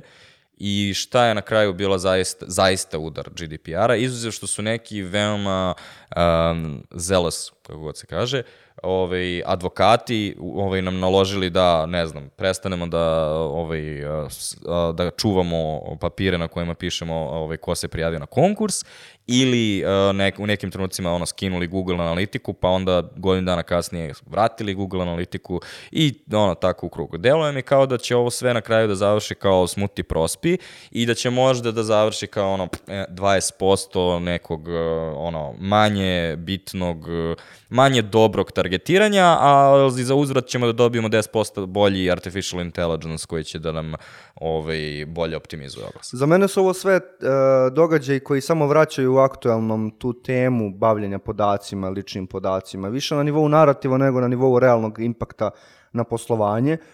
Ako postoje neki biznisi na koje ovo ima realan impakt, bilo bi cool da se jave u komentarima, da nam objasne svoj case study, ali ja, ja ne znam takve primere. E, sada da pređemo na e, podcaste, ali ne globalno, zato što globalno nema neke pretarano velike izmene, izuzev ovoga što smo već pokrili sa kreatorskom ekonomijom, ali mislim da je 2022. godina bila ona, zaista kao godina kada su podcasti postali nekako normalna stvar sa kojom svi sada operišemo. Uh, šta kažem kada mislim to? Uh, ne mislim da sada uh, Galeb se takmiči sa Dnevnikom 2 na RTS-u kao ili sa Potterom, kao znate koliko ljudi to gleda. Uh, ono što mislim je da su ljudi normalizovali činjenicu da će da sednu i sednu ili da stoje ili da dok peru sudove, kako se obično kao podcasti nekako uz nešto koriste, da će da uključe to, da im uh, ono priča nešto, da prate određenu priču, razumeju sada da je ono koji je to format, počinju da razumeju i šta su kreatori. Uh, recimo, jedino zvanično istraživanje je ovo koje su radili kolege iz Pionira sa Smart Plusom, koje nam je reklo da, ne znam, uh, prethodne godine smo imali 1% ljudi koji su slušali podcaste, sada imamo 4%. Međutim, ono što ja mislim da se takođe dešava, što je daleko bitnije, jeste da ljudi su počeli da prepoznaju da je to podcast, a ne talk show emisija na internetu. Ja mislim da nije dobro postavljeno to, to pitanje u samom istraživanju. A to, to je, i znam da je nemoguće izmeriti ovo što mene interesuje, to je nekoliko ljudi gleda podcasta i ume da artikuliše ja gledam, slušam podcasta, nego koliko ljudi dnevno konzumira sadržaj nastao iz podcasta. E to bi onda bila skroz druga slika. I onda bismo mi možda došli od toga da opet tradicionalni mediji reuzuju podcast content. Razumeš, onda bismo tu, tu temu zaista otvorili. Ako ćemo da pričamo o ljudima koji posvećeno imaju ono podcast app i puste podcast, imaju podcast Q, taj procenat će uvek ostati mali. On će i u piku tog formata biti 10%. Um, najbolji primjer za to bih ja rekao uh, vlada iz biznis priče. Aha. Ove, ovaj, I tu se dešava ne samo on lično i kako, sadržaj koji on plasira, nego on sada ima jako puno uh, drugih kanala koji plasiraju sadržaj iz njegovih epizoda. I što je meni omiljena epizoda sa ovim likom, a opet sam zaboravio kako se zove, iz Military Shopa. Znači ja sam bukvalno sada TikTok me uhvatio kao fana onog lika iz Military Shopa. Da, da, svi smo gledali. I ne, bukvalno, znači ja sad, znači svaki put kad uđem na TikTok imam ono iz uh, biznis priča, iz nekih drugih podcasta o nešto priča i što je najgore, toliko sam sad ono zagrebao dalje da sam u fuzonu, ovo više čak ni, ni, ni dobro, kao ovaj čovjek nije ni završio rečenicu, niti misao, isekli su ga totalno bez veze i tako dalje. Ali, uh, recimo, pošto Vlada često nabode u uh, tim uh, ovaj, u tim njegovim uh, videima, često nabode neke zingire, Ovaj, I recimo ima onaj, uh, zaboravio sam isto ko je, ali u trenutku kada krene da psuje ovaj, Elona Muska ili tako nešto, taj video je recimo ono, uh, sam video 3-4 puta sa različitih kanala i svaki put ima preko 100.000 pregleda. Mm. Mislim, to su za mene važne stvari, zato što dalje od njegovog podcasta to, ti kreatori koji se pojavljuju, ti poslovni ljudi, oni de facto utiču na kulturu, utiču na poslovnu kulturu. Dugoročno ut- utiču na način na koji će generacije novih preduzetnika, što jeste Vladov, to je njegov pič u suštini, on edukuje, formira novu generaciju preduzetnika, ovaj, način na koji će oni posmatrati biznis. To je, to je de facto jedan od najuticajnijih medija. Siguran sam da na jednog mladog fonovca danas utiče višestruko više nego neki od profesora na fakultetu, možda čak i mnogi od profesora na fakultetu. I to je ono što je meni zanimljivo, koja je moć tog medija. A da, možemo pričati o pregledima, a da, možemo pričati o bizarnostima kao tip koji priča da je krenuo na more u Grčku pa se vratio sa granice po svoju anksioznost. Mislim, ono, odlazi to na razna mesta. Meni je to jedan prelep haos, bukvalno. Um, za mene, uh, ja sam, ovo je moj social media broj 1 i ovde sam apsolutno pristrasan, ali ja imam osjećaj uh, kao da se stvorila jedna zajednica koja je implicitna. Ove, na primer, um, Ananas sa kojim mi sarađujemo je dobio novog CEO-a relativno nedavno, mislim to je sad već bilo, u stvari nije toliko Pre nedavno. par meseci, ali ne važno. Da. Um, I uh, ovaj, Marko je bio kod Ivana u Pojačalu. I sad, ja znam Ivana, ja sam čuo dosta stvari o Marku i ja sad slušam to na nivou kao da sam uh, se privukao stolicu u nekom razgovoru, ono, sipao svoje pićence i srčem bez da me čuju, ono. I kao, to je način na koji ono posmatram ono druge ono drugi kontent. Ove, i slično to mi se desilo recimo sada je uh, Galeb je objavio ovo sa Davidom Mateom, Danielom, ali da. Danielom.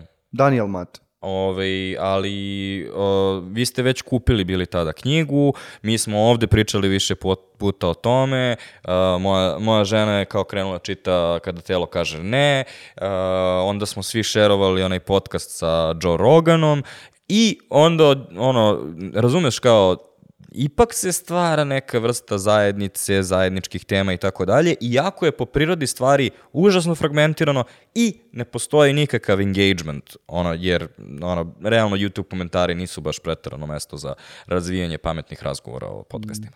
To je baš zanimljivo da si rekao i možda implicitna zajednica je, ne znam, nikad nisam čuo taj izraz, ali ću zapamtiti, jer ne izgleda kao zajednica, ali u momentu neke konekcije i razgovora ti se odjednom osjetiš kao da sa osobom deliš previše zajedničkog iskustva, a zapravo slušate iste podcaste. I onda imate iste reference. I onda ja kad pomenem recimo nekome Brene Brown, ja znam četiri druga uticajna autora, što ne znam da je dobra stvar nužno, ali skoro da mogu da po- pogodim četiri druga uticajna autora koji su važni za tu osobu. I to otvara more uh, opcija za nas kao društvena bića i ekonomska bića i tako dalje. Meni su podcasti takođe postali, uh, ti si sigurno više u tome, očigledno, ali su mi postali važan, važan deo dnevne rutine i konzumiranja sadržaja i konkretan uh, podcast epizoda koji si usputno pomenuo, a to je Gabor Mate kod Joe Rogana, je za mene možda jedan najvažniji događaj 2022. godine u smislu sadržaja ono, Okay. Potpuno random zvuči, ali mi je zapravo interesantan zato što mi hintuje tu neku mogućnost spajanja veoma oprečnih svetova, stvar koju sam pomenuo i vezano za sidemane i futbal. To, to su očigledno kao neke teme koje trenutno obsesujem. Kao činjenica da jedan Gabor Mate možda dođe kod jednog Joe Rogana i da oni mogu da imaju kvalitetan razgovor po svim kriterijima kvalitetnog razgovora je meni užasno inspirativna. A podcast kao format je dao platformu da se ta stvar desi na način na koji čini mi se ranije se nije dešavao. Možda sam ja naivan, možda ne pamtim neka druga vremena, ali meni je, ja, ja često za- zateknem sebe kako gledam takve stvari i razmišljam kako je ovo besplatno. Kako? Ne postoji logika zašto je bilo bilo besplatno. Um, ok, uh, hajde da pređemo onda na jedan uh, trend uh, koji ja verujem da je bio zaista samo prolazna stvar. To je Be Real, a onda ujedno i TikTok Now, a ujedno i Instagram Candid. Ove, kako, ono, da li ti smatraš da je ovo relevantan trend pre svega? Zavisi kako ga, da, prvo smatram. Relevantan je na način na koji su svi social media trendovi relevantni na način na koji menjaju sadržaj. Nije relevantan kao sad to je novi Facebook, svi će preći na Be Real. Neće, niko preći na Be Real. Ali ispunjava određenu ljudsku potrebu. I meni se čini da ljudi koji koriste Be Real, i sad je možda malo, ne moramo da objašnjamo jer je već bilo puno priča o tome u podcastu, ljudi koji koriste Be Real ga koriste češće kao ličnu arhivu, kao one sentence journal, one photo journal. Znači on ispunjava određenu potrebu. Ja bih čak rekao da se ta potreba graniči sa fotodumpom, za koji bih isto rekao da je važniji kreatoru koji ga je okačio u smislu nekog arhiviranja, nego kao neka ideja da se kreira sadržaj za konzumaciju u širem smislu. Da sumiram moje utiske, da li će postati relevantna društvena mreža? Ne. Da li će postati ponašanje koje ljudi, koje ljudi imaju i koje će možda da kanališu na ovom ili drugom kanalu? Da. I to je ono što je meni važno tu. Um, ja bih rekao da je ono što stoji iza Be-Reala uh, jeste bitan trend, ali mislim da je Be-Real kao rešenje na problem koji je identifikovao jako loš. U Ok. smislu da ono, nisu, ono, postoji interna, interna kontradikcija. Uh, ono što je trend koji su oni identifikovali jeste činjenica da uh, su ljudi se zamorili od društvenih mreža. Jeste. Zamorili su se od telefona, zamorili su se od notifikacija. I ono gde ja vidim da sve to ide je mnogo više u pravcu nekog dopamin detoksa koji ljudi sada prepisuju i kao pokušavaju da zaista razmišljaju o tome koliko koriste telefon, kada koriste telefon, zaključaj svoj telefon u orman, razmisli koliko puta ti se desilo se uhvatiš da pogledaš samo da li se išta dešava, koliko vremena si okupiran u mozgu time i šta to radi onda tebi? Kao kako, to, kako tvoj mozak onda izgleda? Kako se ti osjećaš povodom toga? I onda uh, je odgovor na to koji se pojavio, jedan je Be Real, ovaj, drugi recimo ona aplikacija Com, uh, podcasti su delom odgovor na to zbog toga što jesu način na koji ti možeš ono, znači ne nrdaš telefon nego nekako fokusiraš se na jedan train of thought. A, ali paralelno sa time ostaje i pitanje nekada treba samo da nam bude dosadno, moramo da kao prošetamo negde i kao da, Da. razmislimo o sebi, životu ili nečim kreativnom. Being a person, tako Louis C.K. to zove. Da. Um, to je ono što mislim da je bitniji trend, a mislim da je trenutak kada pokušaš to da rešiš još jednom aplikacijom, kao, ajde, ne, nemojmo da postojimo kontent tako što ćemo samo jednom dnevno postovati kontent, nekako je interno kontradiktorno i mislim da zato ovaj, nije radilo. Ovaj, naravno, zaživelo je kao neki trend određeno vreme i, i kao što rekao smo umreće, ali ono što me daleko više nervira je koliko TikTok pokušava da me natera da kao koristim ili da objavim TikTok now i ono, konstantna crvena notifikacija koliko je ljudi koristilo TikTok now i kao ne mogu to da isključim već mesecima, kao umrlo je, prestanite, Da, da. bežite od mene. Ja bih volao da negde mogu da štikliram kao moj život je dosadan, ja nikada neću objaviti nikakav sadržaj koji ti želiš od mene, TikToče, samo kad ja odlučim jednom mesečno. E, sad kad smo već rekli da ovaj, koliko je dosadan život, hajde da pređemo na trrr, LinkedIn. E sad, ja sam tebe dovoljno zezao da si uh, influencer, sada možeš uh, ti mene. Pa ja tebe ne mogu da, više da zezam da si influencer od kako je izašla ona divna dizajnerska montaža da ti tvoja glava stoji pored Miškovićeve glave. To je jednostavno po, e, tačka nakon koje se više ne možemo ze- zezati na tu temu. Šalim se naravno. Ovaj. Za mene LinkedIn, znam da je ovo sad kao zicar da podesimo priču kao ti si na LinkedInu influencer, ja sam možda kao neki skeptik, ali suštinski za mene LinkedIn jeste jedna od uzbudljivijih stvari koja se dešava na medijskom, na medijskom i kreatorskom tržištu. I kako želiš da pričamo o ovome? Šta je tebi interesantno? Za mene je 2022. LinkedIn a, definitivno, a opet je neki trend koji smo recimo identifikovali još 21. Ove, ali 2022. je kao niko više ne sumnja u to. Nekako it has arrived.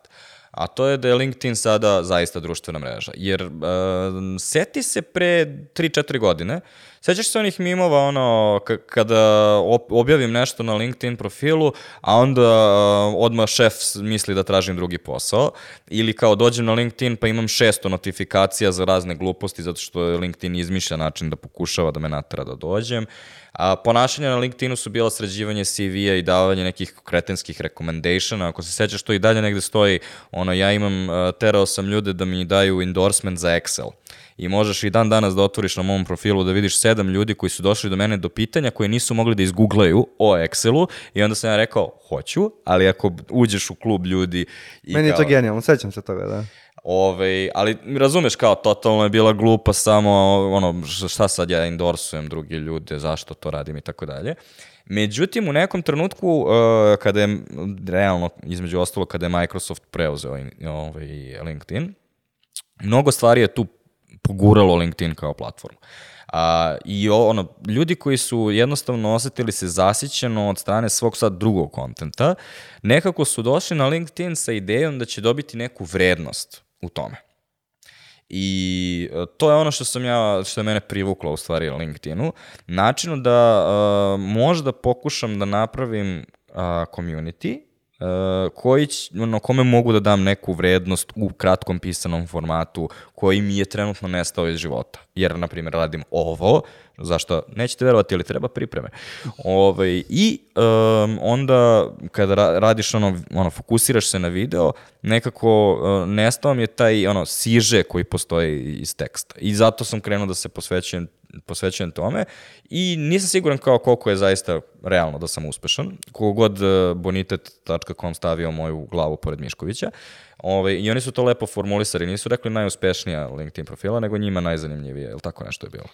Perception Elem. is reality. Tvoja glava je Ovaj, bila tamo. Elem, uh, Vesa Jevrosimović uh, kontra iz, sa svojim profilom ima regularnih 600 do 1000 i po lajkova.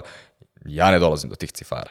Ovaj, Daniel, Draža, um, ovaj, mnogi drugi ljudi, kao to su ljudi koji konzistentno, čak recimo i ono Build i Istok i ovaj, uh, ti ljudi, kao oni konzistentno imaju kao recimo mnogo jače, na jače engagement, što znači jače impresije nego ja. Ovaj, ono što je zanimljivo zbog toga kako ljudi mene percipiraju je to koliko ljudi je primetilo sam se ja aktivirao na LinkedInu i bez toga što ja imam sad ono neke sulude preglede, a to je nešto što smo naučili iz ovog podcasta, to je neki long tail. Kao, kada kreneš nečime da se baviš, ljudi to primete. Nije bitno baš da li kao sad to je kao najuspešnije, ima kao ono milione pregleda, hiljade lajkova, ali ljudi su u fazonu, ali video sam jedan pre tri nedelje. I tu, s- e sad, tu je ono gde, gde je meni zanimljivo pitanje.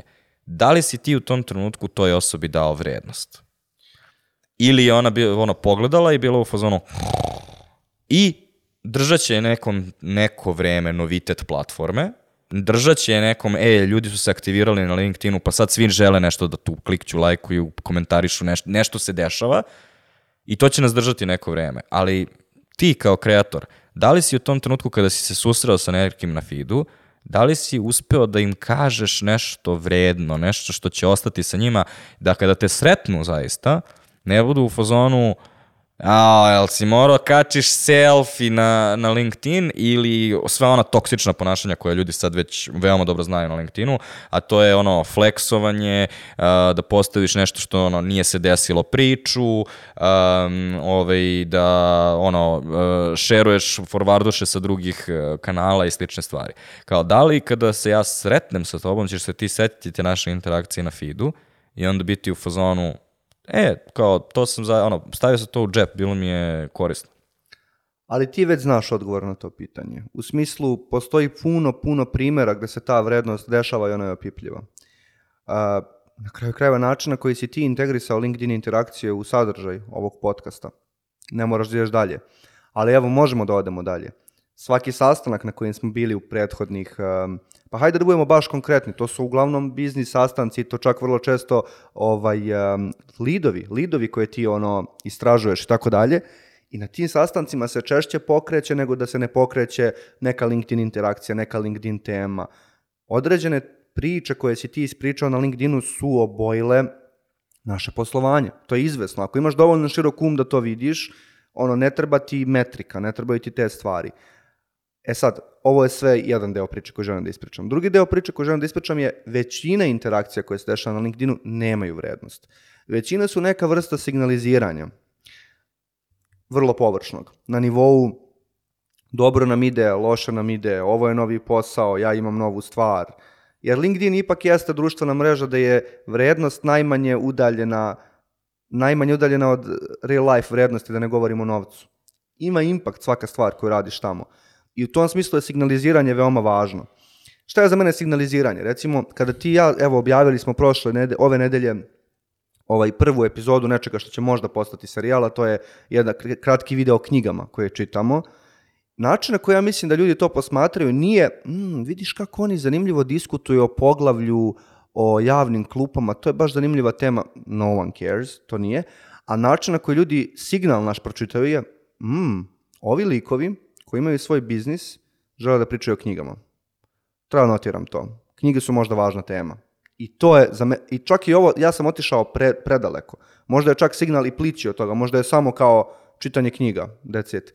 Hoću da kažem, mnoge razmene na LinkedInu se završavaju samo na ovo postoji, i ovo postoji, i ovo postoji, i ovo postoji. Ili ako hoću budem ciničniji, ja ovo imam, ja ovo imam, ja ovo imam, ja ovo umem, ja ovo imam.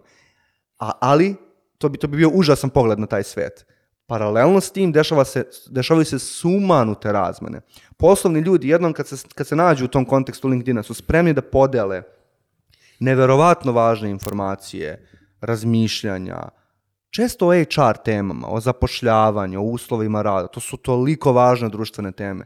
I to se dešava na LinkedInu. Ne dešava se na drugim mestima. Tako da zato je za mene LinkedIn naj, jedno od najuzbudljivijih mesta na internetu. Um, slažem se sa tobom, ali imam drugi način kako ja to mogu da, kako ja to vidim. Uh, naprimer, to je uh, moj ponedeljak. Aha. Uh, trenutno moja working theory je da je ponedeljak, ponedeljak najaktivniji dan na, na LinkedInu.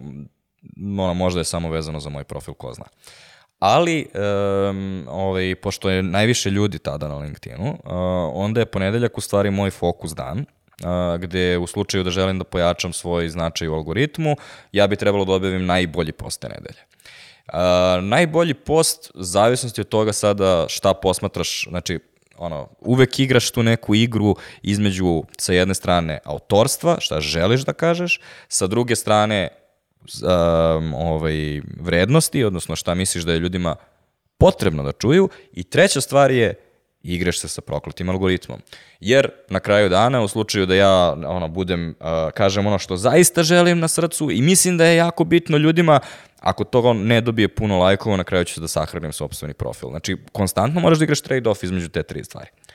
E, jedan način na koji ja legnem na taj trade-off jeste što kao humor radi kao i sve drugo što je bilo popularno na Facebooku 2014. i danas je popularno na LinkedInu i mimovi u nekom poslovnom kontekstu i tako dalje.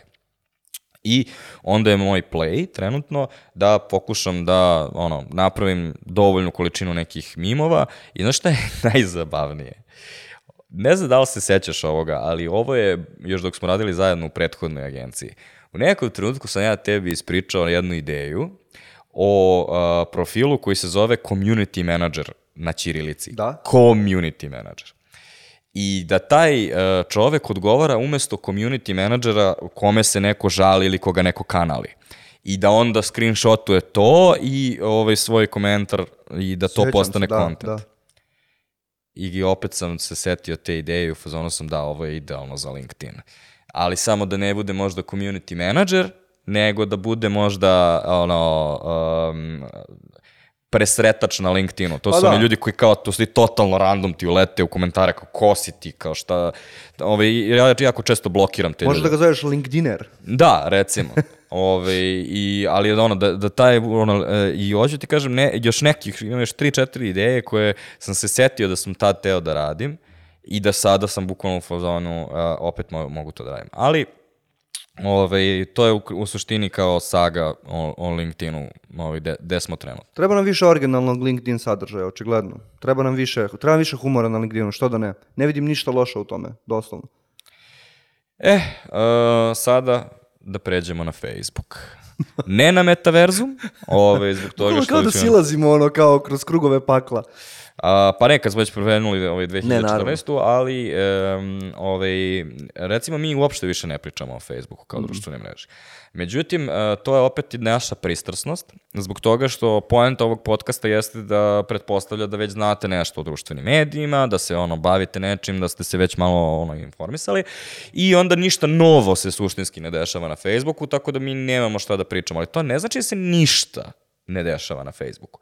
Jer, nemojmo zaboraviti, MySpace i dalje ima 4 miliona mesečno aktivnih korisnika, Miloše.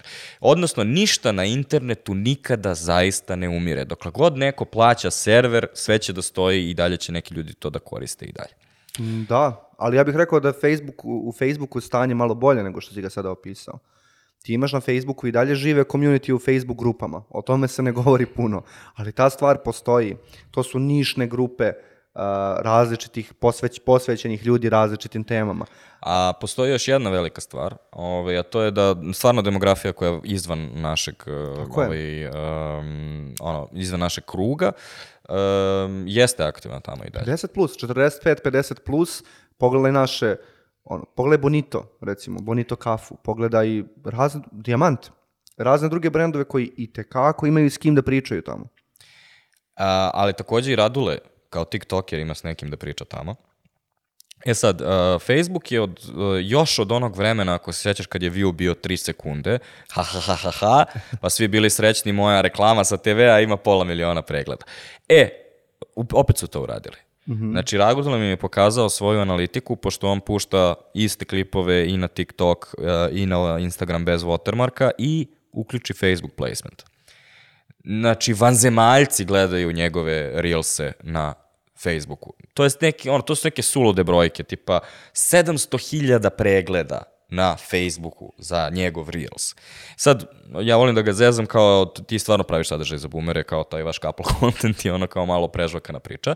Ko je? Ali, uh, i dalje mislim da ono, um, svi kreatori koji trenutno pričaju o tome kako prave content, kažu nemojte zaboraviti Facebook, zbog toga što stvarno postoji dosta veliki inkrementalni reach i stvarno postoje neki ljudi koji su i dalje tamo koji će vidjeti vaš content. Moja poenta je opet, moram da se vratim na ono što smo pričali kada smo pričali o TikToku, a to je koja je kulturalna relevantnost, odnosno šta tebi znače ti dodatni pregledi. Da li ti, a sad šta ti je cilj? Da li želiš da dođeš do određenih ljudi, da li želiš da porušiš neku poruku, da li želiš nešto da prodaš, zavisnosti od toga šta želiš, i dalje, ono, nisam siguran šta možeš da uradiš tačno sa, sa Facebookanima. Ja lično kačim sve svoje stvari koje su mi važne i dalje na Facebook. Vrlo je ličan razlog. Postoji tamo nek, neki broj ljudi, stotinak, dvesta ljudi koji, koji ja neću ričovati na drugom mestu, a koji cene te stvari. I kao, ja sam mali primjer, ali verujem da postoje za biznise i za veće kreatore, je to ipak značajna brojka. Pomalo je slično kao nekad kad te pozovu na TV pre, pre više godina, pa te pozvu na TV pa kažeš pa ajde šta da odem na TV da gostujem. Malo se osjećaš kao da je to neki društveno koristan rad, barem ja sam se tako osjećao. E tako isto Facebook, kao ajde da okačim tamo, pa šta, pričali smo o knjigama, možda nekoga to interesuje na Facebooku. Eto, ovaj, s time smo ovaj, završili sve što postoji na internetu. Not! ovaj, nemojte nam pisati da smo nešto propustili, šalim se, pišite, volimo da se raspravljamo u komentarima i tako dalje. Ali, ovaj, Nešto nešto nismo pomenuli, a baš je cool. Twitter je dodao view count na tweetove. E, ali to se desilo bukvalno između naše pripreme i epizode. Da, Cool o, je, a veoma cool. Iskreno. Elone Masče, ovaj, ovo je prva cool stvar koju si uradio od kad si preuzeo Jeste, platformu. stvarno. I to uopšte čak nije ni veoma jednostavno za implementaciju, zbog toga što kao potrebno je jako puno računanja da bi ti došao do toga šta je view jednog tweeta, jer to je mnogo, mnogo granular, granuliranija platforma nego, na primjer, YouTube. Ja bih rekao algoritmu da opusti ruku dok sipa. E, i to. Um, da, ovo je odličan feature. Um, međutim, um, ono, um, mislim da je porota i dalje out, uh, prvo na američkom tržištu, a onda na kraju i ovde. Um, ovaj, mislim da svakako postoji niša koja je i dalje relevantna, mi ne pričamo o njoj zbog toga što smatramo da je možda previše nišna, da bi ovaj, bila korisna i uh, sada je možda dobar segway, pošto smo on, ovaj, jedna od stvari koje mi uvek koristimo je metalac kao primer, ovaj, a to su reklame koje su bile na internetu, Aha. Ove, pošto uh, ipak ljudi očekuju nas da damo barem neki komentar. Meni je jako čudno da dajem to, zbog toga što, na primjer, bit ću, uh, bit ću predsednik žirija na IAB Mixu Aha. i onda ću na IAB Mixu da dam svoj realan sud kada malo razmislim, pogledam case-eve, šta ljudi kažu, onda ću da dam neki sud o tome ovaj, uh, šta mislim o case-ovima prethodnoj godini. A, Tako da mi je čudno da pričamo ono sad mi kao da mi da, delo mi kao da kao nešto prezumpcija neki kao mi sad na, no, zlatna žiška, evo. Da, ali možda možemo da skinemo taj šešir marketara i da probamo da iz nekog ličnog ugla pomenemo neke stvari koje su nama bile interesantne. Jel imaš ti tako nešto? da pričam šesti put u ovom podcastu koliko je Brejana sa čarapom najbolja reklama 2022. godine. Ali ja Neću. mislim da to nije dovoljno objašnjeno, taj fenomen. A, pa, ne, jeste, samo nisi, ovi, neki podcasti su snimljeni, nisu još objavljeni, pa ih nisi slušao, ali Ah. veoma ekstenzivno smo se bavili time u epizodi koja će u stvari izaći posle ove epizode sada kada shvatim, iako je snimljena dan pre. Hmm. A, praznici su, moramo, i producenti moraju da idu na, na odmor, tako da ovaj, malo smo zbuljegali ova snimanja sada, ali da, za četiri dana ćete čuti ekskluzivno sve što ja mislim o Breni i Čarapi. Da, da, pa ništa onda kao, ja iz prošlosti se nadam da ćeš ti u budućnosti da ispraviš. Ali Omni Channel se nada. Da, da, da. E, Elem, ovaj, dobro, ovaj, to je sad nešto nas je zahvatilo sad u posljednje vreme, um, ali to je, eh, ovaj, dosta imamo kratko pamćenje u stvari. Aha. Uh, recimo, ovo je godina kada se desio Extreme Intimo takođe Jest. i cela kontroverza koja je meni iskreno bila zabavna, ovaj, pošto nisam bio ni agencija, ni klijent u toj koži, mogu sam da gledam sa strane. Um, bilo mi je zabavno zbog toga što mislim da je pokrenulo neke nove razgovore na, na realnom nivou. Uh, I to je upravo ovaj dualitet o kome mi, eh, o kojoj smo otvorili epizodu. Kao mi znamo šta je body positivity trend na zapadu, videli smo na zapadu šta su kampanje i onda je to došlo zaista kod nas. I sa te strane mi je ta saga bila jako interesantna, zbog toga što mi je delovala kao daleko relevantnija advertising priča nego što su nam ovaj, priča koja inače priča. Pa sad oko svetskog prvenstva su te stvari uvek aktuelne zbog uh, celog tog occasiona, muškarci gledaju futbal, žene pripremaju hranu i tako dalje.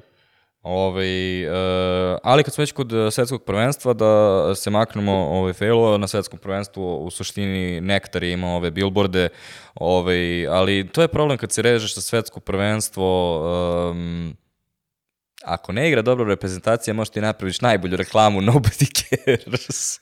Pa jeste, ali ako je Iko iskoristio, i ono, ako Iko uradio nešto u real time, opet je to nektar od kojeg smo već navikli, jel tako? Ako- On, to je sad već njihova neka, već neki njihov teren na, koji, na kojem oni Jeste, igraju. sa pandemijom sada Tako ovo... je. I na kojem igraju dobro, a to je uvek teren koji zauzme najhrabriji. Da E, znaš šta je problem sa, sa, z moj lični sa tom kampanjom? Kao super, mi je, super su mi billboardi, ali jednostavno mi ne radi osnovna kreativna ideja, ono nemoj da mračiš popi svetlo, to mi je nekako totalno antiklimaktično u odnosu na to šta govore u ostatku kampanje. Slažem se, ali mislim da je naš, mi smo malo operisani, nama je bar jako visoko. Mislim da postoji veliki broj populacije koje je fora, nemoj da mračiš popi svetlo, skroz na radaru i cool. Ali ovo je sad, ne znam, ne mogu to da znam. Ovo je takođe godina u kojoj se desila kampanja e, Dođi da radiš za kikiriki. E, da, vidiš, ali to je bilo baš davno. Jeste, ali to je opet bilo zanimljivo u kontekstu employer brandinga kao industrije, u kontekstu out of home kao relevantnog medija, e, u, U kontekstu prijave za Somo Borac, gde ne znam da li znaš, ali kao posle su prosnimili sa likom koga su zaposlili za Kikiri. siguran sam da jesu, da. Kao, ovo, imala je whole afterlife koji smo propustili. Meni se dopada taj primer i volim uvek primere koji pokazuju, inspirativni su mi primeri koji pokazuju da sa malo možeš da uradiš mnogo ako ubodeš tu kao društvenu tenziju, ako si kulturalno relevantan. U Srbiji reći dođi da radiš za kikiriki pogađa nerv mnogo velikog broja ljudi. Um, ovaj, pričali smo cele godine o tome, a sad smo ih propustili, ovaj, Metalac, Aha. uh, Metalac i Konstrakta i Lavor. Ovaj, to je ono e, bio, mislim, to je bio baš haotičan za mene ono period gde se svašta nešto dešavalo. Ako se sećaš, Konstrakta imala i onu kontroverzu za da li je njen 100 Z, što kao pff, glu- glupost totalna, a, ali pored toga um, ono podelile je društvo kao po ono nekako krug dvojke se osetio kao da je postao poslao svoju predstavnicu na Euroviziju i onda se ostatak Srbije kao bio u fazonu kao šta je ovo? Onda su svi bili u fazonu postali smo koncept razumeš kao skrivao se neki ono, ono kulturna podela tu koja je bila interesantna jako i kao mislim da kolege iz Pionira su kao odlično iskoristile ceo taj haos koji se dešavao da, um, ovaj, Da opet sa jako malom intervencijom naprave radost, brate, za puno ljudi. Mislim, ljudi su se obradovali toj ideji. Zato što je dobra ideja. I to, to su strave stvari. I ja bih rekao da se nije desila podela, desilo se spajanje na čudnom mestu ponovo. Spajanje i uvek je meni simbol za to spajanje kada recimo čuješ priču da su, ne znam, deca u vrtiću pevala konstrakti, konstraktinu pesmu. Pa može li nešto biti više mainstream i više prihvaćeno nego da roditelji budu ok s tim da njihova deca to ok, simpatično, sada ne ulazim u detalje, s tim da njihova deca pevaju tu pesmu. Meni, meni je to nekako užasno inspirativno. Ili slična stvar se desila sa Ananasovom, Ananasovom kampanjom na kojoj smo i mi radili zajedno sa Ananasovim in-house timom, a to je taj čuveni Click Boom Trust koji jeste obeležio na neki, na neki način godinu i, i zbog dobrog medijskog budžeta i plana, ali i zbog toga što ima pesmicu, budimo realni. Takođe pesmica koja se pevala u vrtiću. Da, ovaj, dobili smo video u kojem, u kojem je a, neko snimao klince u vrtiću koji pevaju Click Boom Tras i jeste bilo ovaj, nekako, mo, možeš da dobiješ sve kaktuse i miksove ovog sveta, ali kada dobiješ video dece iz vrtića koji Drugačije. pevaju što si učestvovao u, na, u ono, upravljanju, jeste zaista cool. Da, tako da ono, što da ne pomenemo i tu stvar, opet nije se baš skoro desila, to je početak godine. Pa da zavisi, recimo, ja se sjećam da smo mi na toj kampanji radili fazon a, ne, novembar na decembar, tu negde je bilo. Tako je, ali ona je udarila Onda, da. tržište januara. Mislim decembar, januar, ali januar. Ovaj, ali dobro, uh, kolege, ako se mislite zašto vas nismo pomenuli, po, ovaj, bukvalno smo samo na ličnom nivou se sećali nekih stvari koje su nam prolazile kroz glavu. Ovaj, uh, uh, takođe, ovo je šta se desilo na internetu, pa smo gledali da budu više kampanje koje su se fokusirale na ove stvari koje su kao sa društvenih medija neobavezno integrisane velike kampanje, koje su takođe veoma cool, što ćemo vam i reći kada budemo bili na raznim ovaj, uh, nagradama. Žiriranjima, nagradama. Elem, uh, Miloše, pitanje poslednje u ovom podcastu je, vredi li ovo tih vre, tog vremena i da li te ovo postane naša novogodišnja tradicija? Sigurno. Rekapitulacija je dobra vežba. Kao nekakva dobra vežba uzemljenja. To je ono što se ti malo pre rekao. Jako nam je kratka memorija. Nama se čini da se ono što se desilo u zadnjih mesec dana ceo naš život nekad, kad si pod stresom, recimo. A realnost je da je ova godina bila baš duga i da se baš puno stvari desilo i da je, brate, korisno da to skontaš. Mislim, ono, verujem da će da će ljudi koji budu slušali i gledali dobiti neki, neki komadić toga, slično kao ti kad slušaš Minića i, i Marka Carevića, pa kao da si sa, sa njima za stolom. Ja mislim da možemo to da uradimo i sa ovom stvari. Volao bih, da. A vi ako se takođe slažete, ako ste došli do ovde a, ili ste a, ovaj se nasvestili pored vašeg telefona ili vam se nešto ovde svidelo.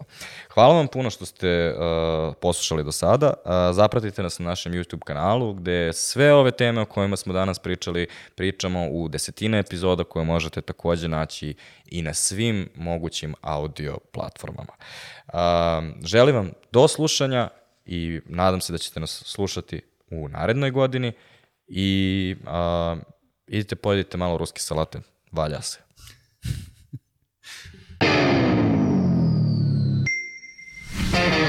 Vi slušate.